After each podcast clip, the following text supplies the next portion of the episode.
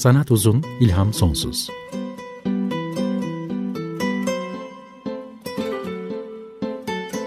Sanat üzerine psikolojik sohbetler. Hazırlayan ve sunan Şenol Ayla.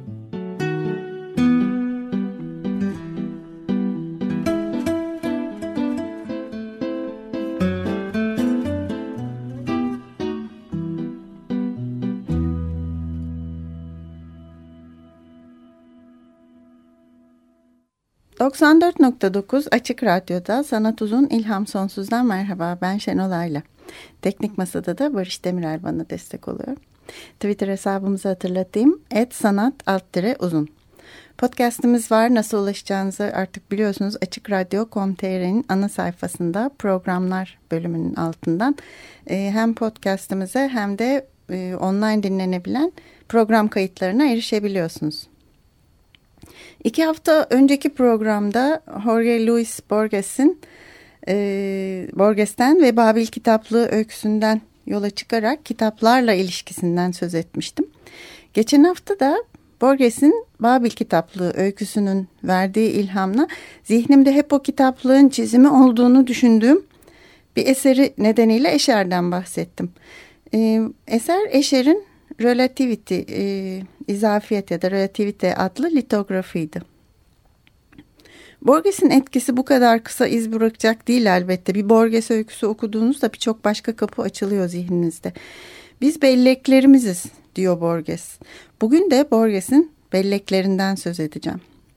Bellek kavramı da onu büyüleyen birçok başka kavramdan biri.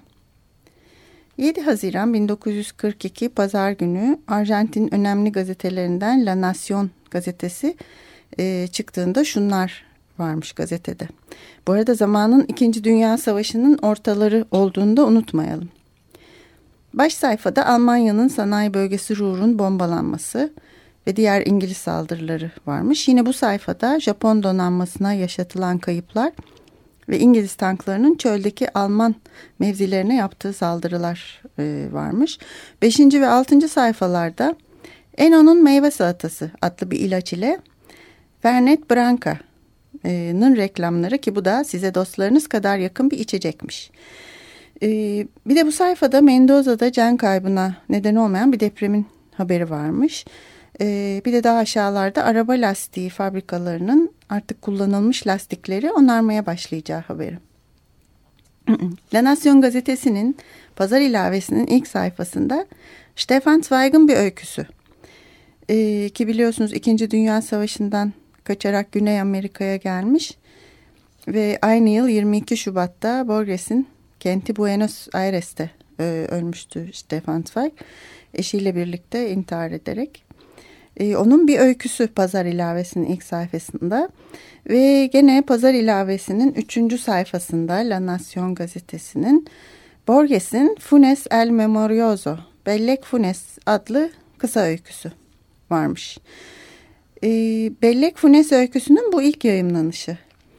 Bellek Funes bir köylü olan Ireneo Funes'in öyküsü. Ee, Funes attan düşüp kafasını yere çarpıyor ve bilinci geri geldiğinde artık her şeyi hatırlayabiliyor. Yok unutmuş değil her şeyi hatırlıyor öyle ama öyle böyle de değil her şeyin her ayrıntısını fazlasıyla hatırlıyor. Şöyle yazıyor Borges e, Funes hakkında. Biz bir bakışta bir masa üzerinde üç kadeh algılarız. Funes ise asmayı, onu meydana getiren bütün yaprakları, filizleri ve üzüm tanelerini görürdü. 30 Nisan 1882 gününün şafağında güney yönündeki bütün bulutların biçimlerini ezbere biliyor ve onları aklından yalnızca bir kere gördüğü İspanyol işi ciltli bir kitabın kabartma ebru deseniyle ya da Cuebraco ayaklanmasından önceki gece Rio Negro'da bir küreğin çıkardığı köpüğün çizgileriyle karşılaştırabiliyordu. Biliyorsunuz sonsuz kavramı da Borges'in çok sevdiği konulardan. Tüm evreni içeren bir nokta dan söz ettiği Alef adlı e, öyküsü. Hmm, sonsuz labirentlerden söz ettiği iki kral ve iki labirent öyküsü. Sonsuza dek tekrarlanan kütüphane hmm, konuştuğumuz iki hafta önceki Babil kitaplığı gibi birçok öyküsünde sonsuzluk var. Hem bellek hem sonsuzluk gibi iki büyüleyici kavramı bir arada kullanıyor Bellek Funes öyküsünde Borges. Bu kez sonsuz olan bellektir ve sınırsız hatırlama yetisi konu edilir Bellek Funes öyküsünde. Ficciones, e, Hayaller ve Hikayeler e, kitabında 1944'te ilk basımı yapılmış. Burada yer alıyor Bellek Funes öyküsü gazetedeki yayınlanmasından sonra. E, bizde Türkçe'de de var. E, Tomris Uyar ve Fatih Özgüven'in güzel çevirileriyle Ficciones, Hayaller ve Hikayeler. Kendisi de Borges ön sözde bu kitap için hmm, Bellek Funes öyküsü için uykusuzluk üzerine uzun bir deneme diyor. Zaten öykünün sonunda da Funes'in uyumakta zorlandığını anlıyoruz. Çünkü uyumak dikkatini dağıtıyor. Uyumak ile hatırlamak zıt şeyler. Sanat uzun tamam ama peki ilham nereden geliyor diye hep merak ediyoruz ya bu programda. İşte Bellek Funes'in öyküsü için de ilhamın nereden geldiğini Borges kendisi güzel anlatıyor bir röportajında. Şöyle diyor. Uykusuzluk çektiğimde kendimi unutmaya, bedenimi unutmaya, bedenimin duruşunu, yatağı, mobilyaları, otelin üç bahçesini, okaliptus ağacını, raftaki kitapları ve köyün sokaklarını, istasyonu, çiftlik evlerini unutmaya çalışıyordum. Ama unutamadığımdan bilincim açık kalıyor, ben de uyuyamıyordum. Sonra kendi kendime algıladığı hiçbir şeyi unutamayan bir adamın olduğunu varsayalım dedim. Tek bir gün içinde binlerce şeyin meydana geldiği bir günde Ulysses'i ortaya çıkarabilen James Joyce'un da başına aynısı geldiği ma malumdur. Bu olayları unutamayan ve sonunda sınırsız belleği yüzünden ölüp giden birini düşündüm. Ee, evet uykusuz kaldığı bir gecede e, hiçbir şeyi unutamayan bir adam olsa nasıl olurdu diye düşünmüş ve e, kendisi bu öyküyü yazmayı böyle kurmuş. Böyle diyor Borges, Bellek Funes öyküsünü getiren ilham için. Ve sonra da kahramanı Irene Funes için diyor ki tek kelimeyle yarım yamalak tasvir ettiğim bu serseri benim uykusuzluğuma tekabül eden bir imgedir. Bellek Funes öyküsü de şöyle başlıyor. Hatırlıyorum onu.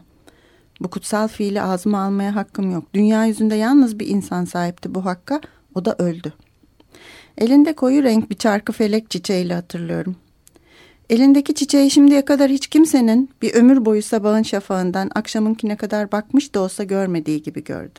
Bu aşırı ve sıra dışı bellek bir yandan bu kadar muhteşem ve özenilesi bir armağandır. Ee, bir çiçeği hiç kimsenin görmediği gibi görme şansına sahiptir Funes. Ama diğer taraftan da tabii ki bir lanettir. Buraya da geliyor Borges daha sonra ve şöyle diyor. Bütün rüyalarını, yarı rüyalarını yeniden canlandırabiliyordu Funes. İki ya da üç kez bütün bir günü yeniden canlandırmıştı. Her bir yeniden canlandırma hiç kesintisiz tüm bir gün sürmüştü. Bana bende bütün insanlığın dünya dünya olduğundan beri sahip olduğu anılardan daha fazlası var demişti. Bir de benim düşlerim sizlerin uyanık olduğu saatler gibidir demişti. Sonra bir de şunu demişti belleğin bir çöp yığını gibi.'' Uyumak dikkatini dünyadan öte yana çevirmektir diyor Borges. E, Funes ise dar yatağında sırt üstü yatarken çevresini saran bütün evlerin hmm, tek tek her bir köşe, köşe bucağını gözünün önüne getirebiliyordu. Ama diye ekliyor Borges, belleğindekilerin en sıradanı bile bizim fiziksel haz ve fiziksel acı algılarımızdan çok daha ayrıntılı ve canlıydı.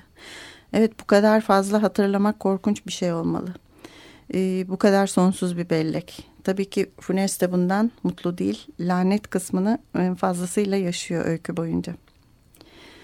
E, önceki Borges ve Kitaplar programında Borges'in milonga müziğini çok sevdiğinden hatta tango sevmediğinden e, 6-7 tane milonga için de söz yazdığından bahsedip bir onun sözlerini yazdığı bir milongasını dinlemiştik. Kendisinden de sözlerini okuma e, okumasını dinlemiştik. Ee, şimdi bugün sözlerini Borges'in yazdığı bir milonga daha dinleyeceğiz. Milonga de Albornoz.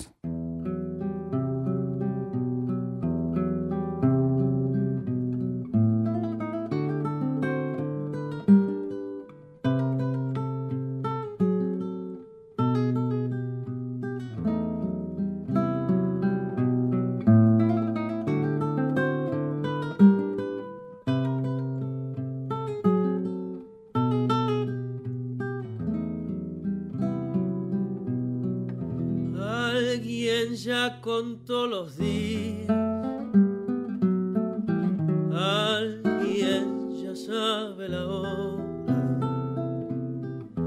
Alguien para quien no hay ni premuras ni demoras. Albornoz pasa silbando milonga entre bajo el ala del chambergo sus ojos ven la mañana la mañana de este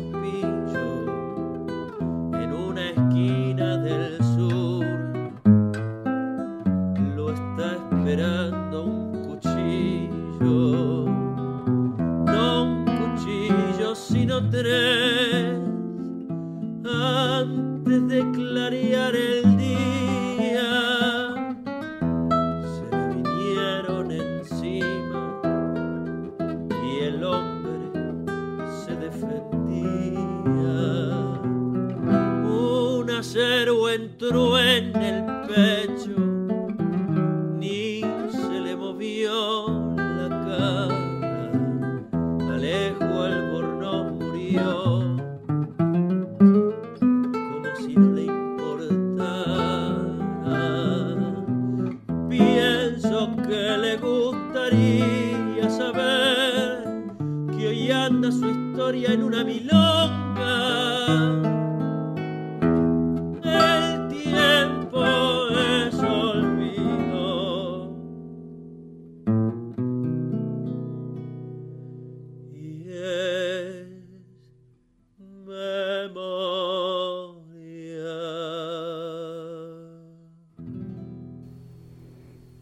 Milonga de Albornoz. Ee, sözlerini Jorge Luis Borges'in yazdığı, müziğini Jose Basso'nun yaptığı e, bir milongaydı. E, şarkıyı Floro Aramburu söyledi, gitarı da Carlos Wernicke çaldı. 94.9 Açık Radyo'da Sanat Uzun İlham Sonsuz'u dinliyorsunuz. Bugün Borges ve bellek kavramından ve Borges'in kendi belleğinden söz ediyoruz. E, Borges ve bellek insan beyniyle karşılaşmalar.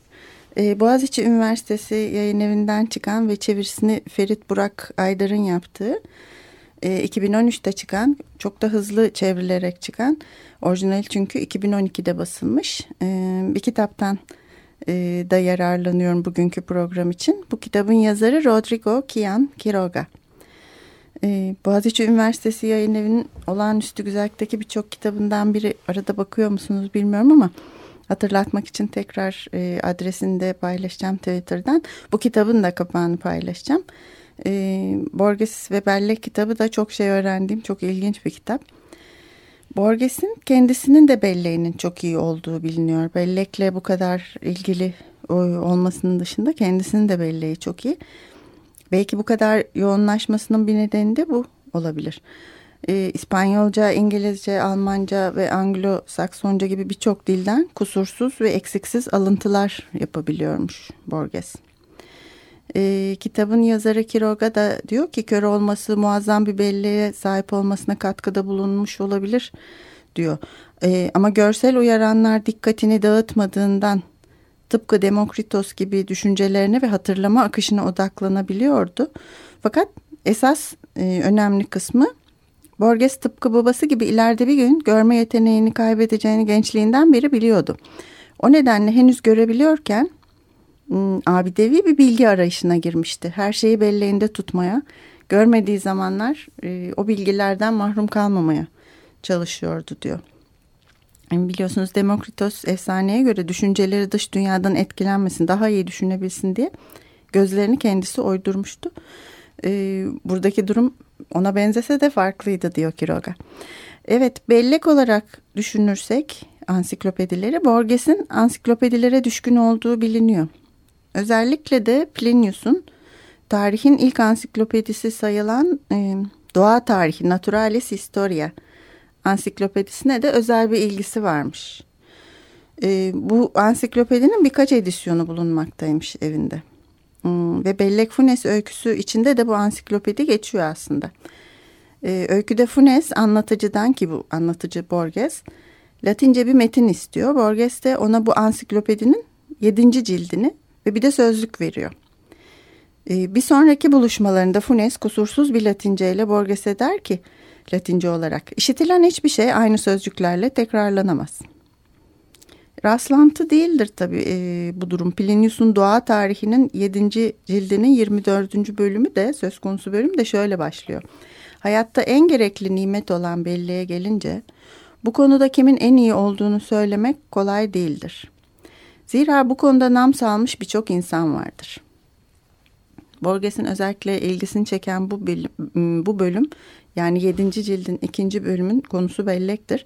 E, bu bölümde de Plinius tüm askerlerinin adını hatırlayan Pers kralı Koreş'ten, e, Roma'daki herkesin adını ezbere bilen Scipio adlı adamdan, e, bellek biliminin mucidi olarak bahsettiği Simonides'ten e, ve kütüphanedeki istediği kitabı sanki okuyormuş gibi ezberden aktarabilen Yunan Harmadas'tan söz ediyor. Borges'in bu ansiklopediyi neden sevdiğini bunları okuyunca anlayabiliyor insan. Hmm, ve özendiğini belki de. Bu arada Borges'in çok sevdiği Cervantes'i çok sevdiği biliniyor. Cervantes adına verilmiş bir e, adına konmuş bir ödülü aldığını da söyleyeyim burada. Cervantes ödülünü alıyor ve şunu diyor. Utanmadan kabul ettim Ali cenap bir hata. Aslında e, aldığı ödül parasıyla Espasa Calpe adlı bir ansiklopediyi almayı planladığını söylüyor. E, tabii satın almasına gerek kalmıyor. Yayıncılar ansiklopediyi ona hediye ediyorlar ama e, utanmadan kabul ettiği bu hatanın karşılığında yapmayı planladığı şey ansiklopediyi almaktır. E, Borges'in hayran olduğu belleklerden biri de Shakespeare'in belleği. Bunu kendisi e, defaen söylüyor. İlk kez 1983'te yayımlanan aynı kitaptaki bir öyküsü Shakespeare'in belleği. La Memoria de Shakespeare. E, bu öyküde de öykünün kahramanı ve aynı zamanda da anlatıcısı Herman Zörgel adlı bir adamdır. Shakespeare'e çok hayrandır. E, onun öyküleriyle, onun e, oyunlarıyla ve işleriyle fazlasıyla ilgilenir. Onları sıralar, e, baştan baştan okur. Tekrar tekrar okur ama derken e, bir gün e, bir lanetle karşılaşır. Aslında baştan hoşuna gider bu. E, bir adamla karşılaşır. Daniel Thorpe adında Shakespeare e, konferansında. E, ve hiçbir zaman e, alamayacağı bir şeyi ona teklif eder adam. E, Zörgel'e Thorpe Shakespeare'in belleğini devretmeyi söyler. Hmm, ve daha sonra kısa bir alışveriş töreniyle belleği ona verir. E, Thorpe da der ki bu belleğin keşfedilmesi gerek e, zaten Zörgel de aldığı, ödünç aldığı bu belleği daha doğrusu devraldığı bu belleği keşfederek hayatına devam eder. Hiç duymamış olduğu hikayeleri anlatmaya başlar, hiç tanımadığı yüzleri hatırlar. Daha da ileriye gider ve Shakespeare'in işlerini ve edebi üslubuna sahip olmaya başlar. E, hatta onun biyografisini yazmayı düşünür. Çünkü aslında hepsi beyninde kazılıdır. Ama sonra vazgeçer. E, sonunda da Shakespeare'in belleği artık onun kendi belleğinin yerini tümüyle almaya başlar. Arabaların ne olduğunu tanıyamamaya, makineleri anlamamaya, bu çağın çok dışında Shakespeare'in belleği olarak yaşamaya başlar. Kendi belleğe gitmiştir. Ve kalan son kendi zihin kırıntısıyla Shakespeare'in belleğini aldığı gibi başka birine devretmesi gerektiğini ancak öyle kurtulabileceğini anlar. E, sonra ne mi olur okuyunca görebilirsiniz siz de onu. E, bunun da çevirisi var tabii ki e, Türkçe'de. E, Borges ve Bellek İnsan Beyniyle Karşılaşmalar kitabına dönersek bu kitabın en güzel e, tarafına gelince bence yazar Rodrigo Kian Quiroga bir sinir bilimci. Bu araştırmaya ve kitaba nasıl yol aldığında o da şöyle anlatıyor. O da güzel e, bir bilgi. Bir bilimcinin Borges'le ilgilenmesi görülmedik bir durum değildir diyor.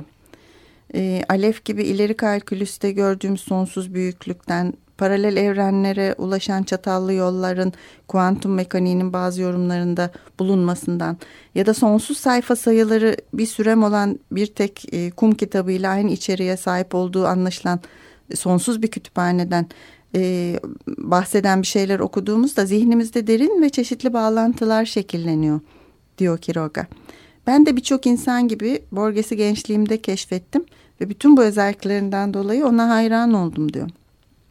Daha sonra e, Kiroga yaptığı sinir bilim araştırmalarında ekibiyle birlikte insan beyninde somut ayrıntıları göz ardı ederek soyut kavramlara tepki veren e, nöronları bulmuş.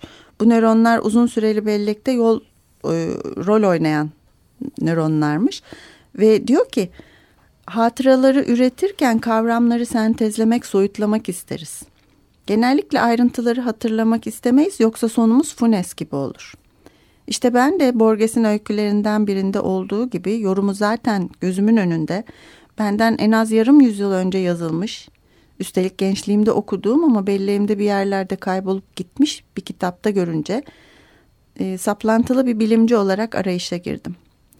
Borges'te Funes fikrini tetikleyen olgular ya da okumalar hakkında onun beyninin işleyişine olan ilgisi hakkında daha fazla bilgi edinmek istedim. Daha sonra Rodrigo Kian Quiroga kalkıp e, Borges'in dul eşinin Maria Kodama'nın kapısını çalmış ve ondan Borges'in kütüphanesindeki kitapları inceleme izni istemiş. Bu kitap da o sürecin sonunda yazılmış. Gerçekten e, okumaya değer çok heyecanlı bir kitap Borges ve Bellek. Borges'in bir diğer öyküsü Yalıları Çatallanan Bahçe öyküsünü bilir misiniz? O öyküde de bir labirent bir de kitap vardır. İkisi de e, Borges'in sevdiği kavramlardan olan labirent ve kitap. Kimse bunların bilmecesini çözemez. Ama anlaşılır ki Labirent kitabın daha doğrusu oradaki romanın kendisidir ve romanın kişileri karşılaştıkları seçeneklerden birini seçmez. Diğer kurgu eserlerde olduğu gibi. Hepsini birden seçerler. Böylece çok sayıda gelecek ve çok sayıda akış, çok sayıda olasılık hatta sonsuz sayıda olasılık ortaya çıkar. Ee, aslında bizim programda biraz Borges'in o öyküsü gibi yolları çatallanan program olarak devam etti ve ediyor. Nereye gidecek henüz bilmiyorum. Ee, her programın içinde geçen kavram ve kişilerin peşine düşüyorum. Oradan başka bir program çıkıyor. Oradan da adı geçen tüm kişiler ve olaylara dair mümkün olan diğer tüm programları yapmaya niyetleniyorum. Bakalım nerelere gidecek. Hmm, gerçek hayatta tabii tüm seçenekleri seçemiyoruz. Neyse ki seçemiyoruz. Sizlere seçimlerinizden memnun kalacağınız bir hafta diliyorum. Hoşçakalın.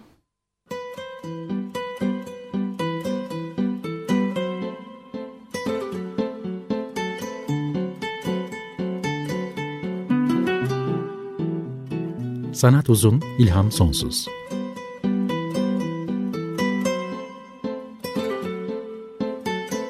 Sanat üzerine psikolojik sohbetler. Hazırlayan ve sunan Şenol Ayla.